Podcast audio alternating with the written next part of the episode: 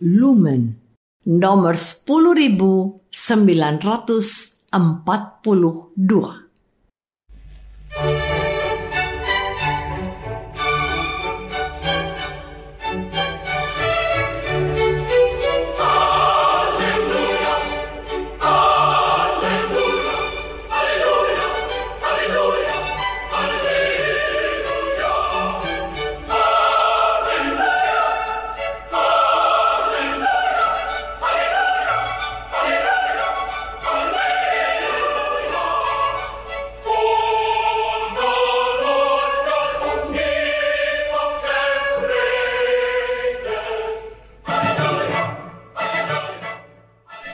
Saudara pendengar di segenap penjuru tanah air, selamat bergabung dengan Lumen Indonesia. Lumen Indonesia siap melayani Anda setiap hari. Saudara terkasih, marilah kita bersatu dalam Tuhan kita Yesus Kristus yang tidak berubah dahulu, sekarang, dan selama-lamanya. Allah Sang Maha Rahim mengasihi dan menerima sebagaimana adanya kita Allah Bapa kita di surga senantiasa bersedia menolong, menghibur, dan meneguhkan kita dalam menghadapi segala permasalahan hidup sehari-hari.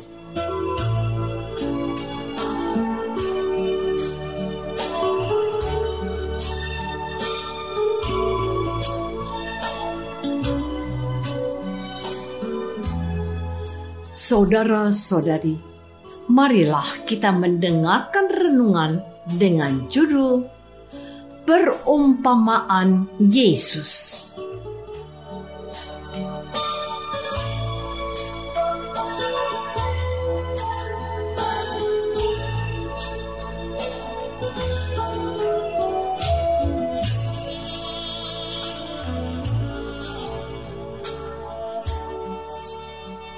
Yang berdasarkan pada Injil Matius bab 13 ayat 13. Itulah sebabnya aku berkata-kata dalam perumpamaan kepada mereka karena sekalipun melihat mereka tidak melihat dan sekalipun mendengar mereka tidak mendengar dan tidak mengerti.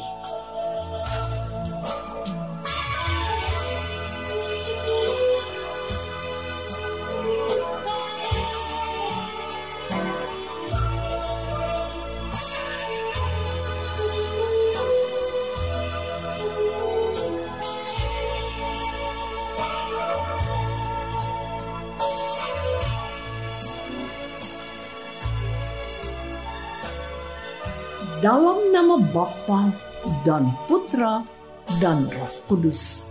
Amin. Saudara-saudari yang terkasih dalam nama Tuhan Yesus Kristus. Dalam karyanya, Tuhan Yesus sering menyampaikan ajarannya, terutama tentang kerajaan surga, dengan menggunakan perumpamaan. Para muridnya bertanya kepada Yesus, Mengapa engkau berkata-kata kepada mereka dengan perumpamaan? Perumpamaan adalah bahasa yang paling mudah dicerna oleh orang-orang yang terbuka hatinya terhadap sapaan kasih Allah. Tetapi tidak demikian untuk mereka yang telah menutup diri dari kebaikan dan sapaan Tuhan. Itulah sebabnya Aku berkata-kata dalam perumpamaan kepada mereka, karena sekalipun melihat, mereka tidak melihat, dan sekalipun mendengar, mereka tidak mendengar dan tidak mengerti. Dengan mengutip Yesaya, katanya lagi, sebab hati bangsa ini telah menebal dan telinganya berat mendengar dan matanya melekat tertutup supaya jangan mereka melihat dengan matanya dan mendengar dengan telinganya dan mengerti dengan hatinya. Lalu berbalik sehingga aku menyembuhkan mereka. Harapan Tuhan Yesus ini Barangkali melalui cara ini mereka terbuka hatinya terhadap sapaan kasih Allah. Saudara-saudari terkasih, sebelumnya Tuhan Yesus menyampaikan perumpamaan tentang seorang penabur untuk menabur benih. Benih itu adalah firman Tuhan. Benih itu membutuhkan tanah atau hati yang baik untuk bertumbuh dan menghasilkan buah yang berlipat ganda. Tetapi nyatanya gambaran tentang si penabur ini mendapatkan sambutan yang tidak sama. Benih itu yaitu firman Tuhan ditaburkan dan diwartakan kepada semua orang. Namun, sambutan setiap orang berbeda-beda. Hanya orang yang memiliki hati yang baik, yang dilambangkan dengan tanah yang subur, yang sanggup menghasilkan buah-buah bagi kehidupan mereka menjadi berkat dan manfaat untuk banyak orang. Murid-murid Tuhan Yesus adalah gambaran baik orang-orang yang menyambut firman Tuhan itu dengan penuh sukacita. Mereka adalah orang-orang saleh, kaum Anawim yang pengharapannya dan andalannya adalah Yahweh. Allah Israel. Tuhan Yesus datang ke tengah-tengah bangsanya dan mewartakan tawaran kasih Allah dengan firman-Nya dan pengajarannya. Namun, ada sekelompok orang yang menutup diri dan merasa diri tidak membutuhkan kasih Allah lagi.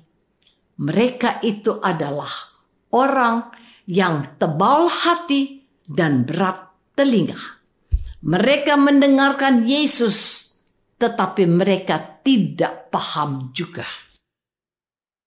Saudara-saudari terkasih, perumpamaan Tuhan Yesus sesungguhnya ditujukan kepada semua orang. Digambarkan dengan cukup jelas bahwa ada orang-orang yang diumpamakan sebagai tanah di tepi jalan.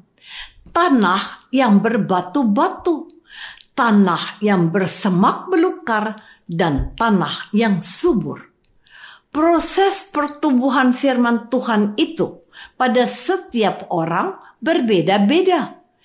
Hanya mereka yang membuka hati dan memelihara firman-Nya akan menghasilkan banyak buah. Secara khusus, Tuhan Yesus menegaskan kepada para pengikutnya bahwa mereka yang setialah yang mewarisi kerajaan surga karena mereka memiliki hati yang baik sebagaimana digambarkannya dengan tanah yang baik. Firman-Nya, kepadamu diberi karunia untuk mengetahui rahasia kerajaan surga, tetapi kepada mereka tidak. Siapakah mereka yang dimaksudkan oleh Tuhan Yesus? Mereka adalah mereka yang tidak bersungguh-sungguh menyambut tawaran kasih Allah itu dengan sepenuh hati, jiwa, dan raganya. Mereka tidak memelihara firman itu dan firman itu dicuri iblis. Mereka masih tertindas dan memiliki banyak kekhawatiran dan tidak mengandalkan Tuhan dalam hidupnya. Hanya mereka yang mengandalkan Tuhan saja yang dapat bertahan, bahkan menghasilkan buah dengan melimpah. Karena barang siapa mempunyai, kepadanya akan diberi sehingga ia berkelimpahan.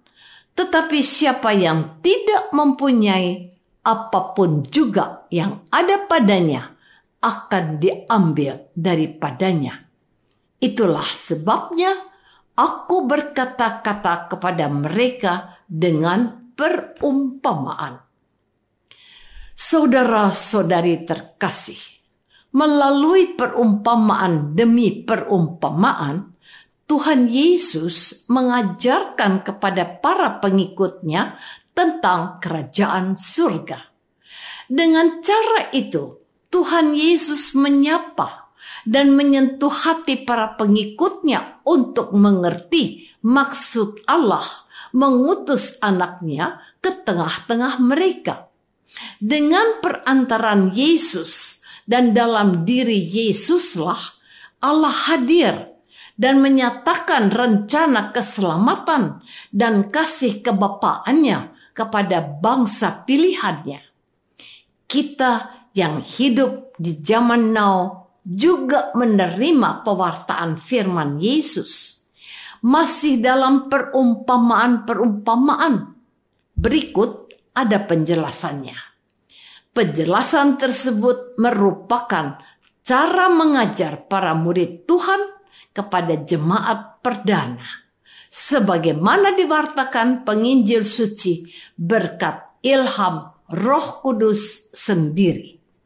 Maka baiklah kita tetap rajin membaca dan merenungkan kitab suci. Juga perumpamaan-perumpamaan Yesus. Marilah kita mohon Roh Kudus memimpin kita untuk mengerti firman-Nya dan membawa kita untuk menghasilkan banyak buah untuk kehidupan kita. Kita dipilih Allah untuk setia kepadanya dan menjadi berkat dan manfaat untuk semua orang.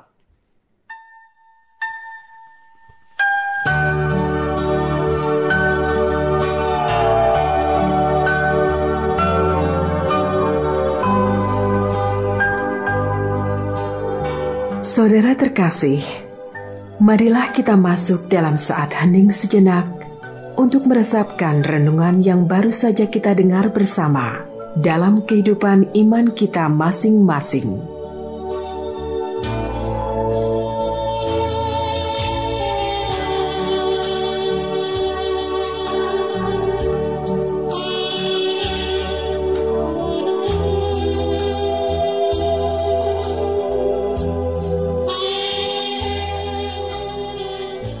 Apakah aku sudah menyediakan waktu untuk membaca dan merenungkan firman Tuhan? Apakah aku juga melaksanakan firman-Nya dalam hidup sehari-hari? Marilah kita berdoa. Bapa yang maha baik, kami adalah orang-orang yang berbahagia karena diperkenalkan menjadi milik Kristus. Berilah kami Roh Kudus yang membawa kami kepada seluruh kebenaran. Semoga kami menjadi berkat dengan menghasilkan buah kasih untuk semua orang demi Kristus Tuhan dan pengantara kami. Amin. Semoga kita semua selalu dinaungi dan dibimbing oleh berkat Allah yang Maha Kuasa, Bapa dan Putra dan Roh Kudus. Amin.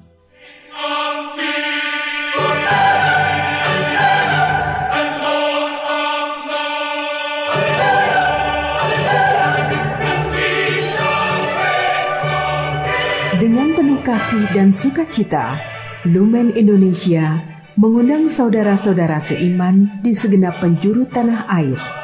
Sekiranya ada tanggapan ataupun saran, kirimkan surat Anda ke Lumen Indonesia. Terima kasih atas perhatian Anda.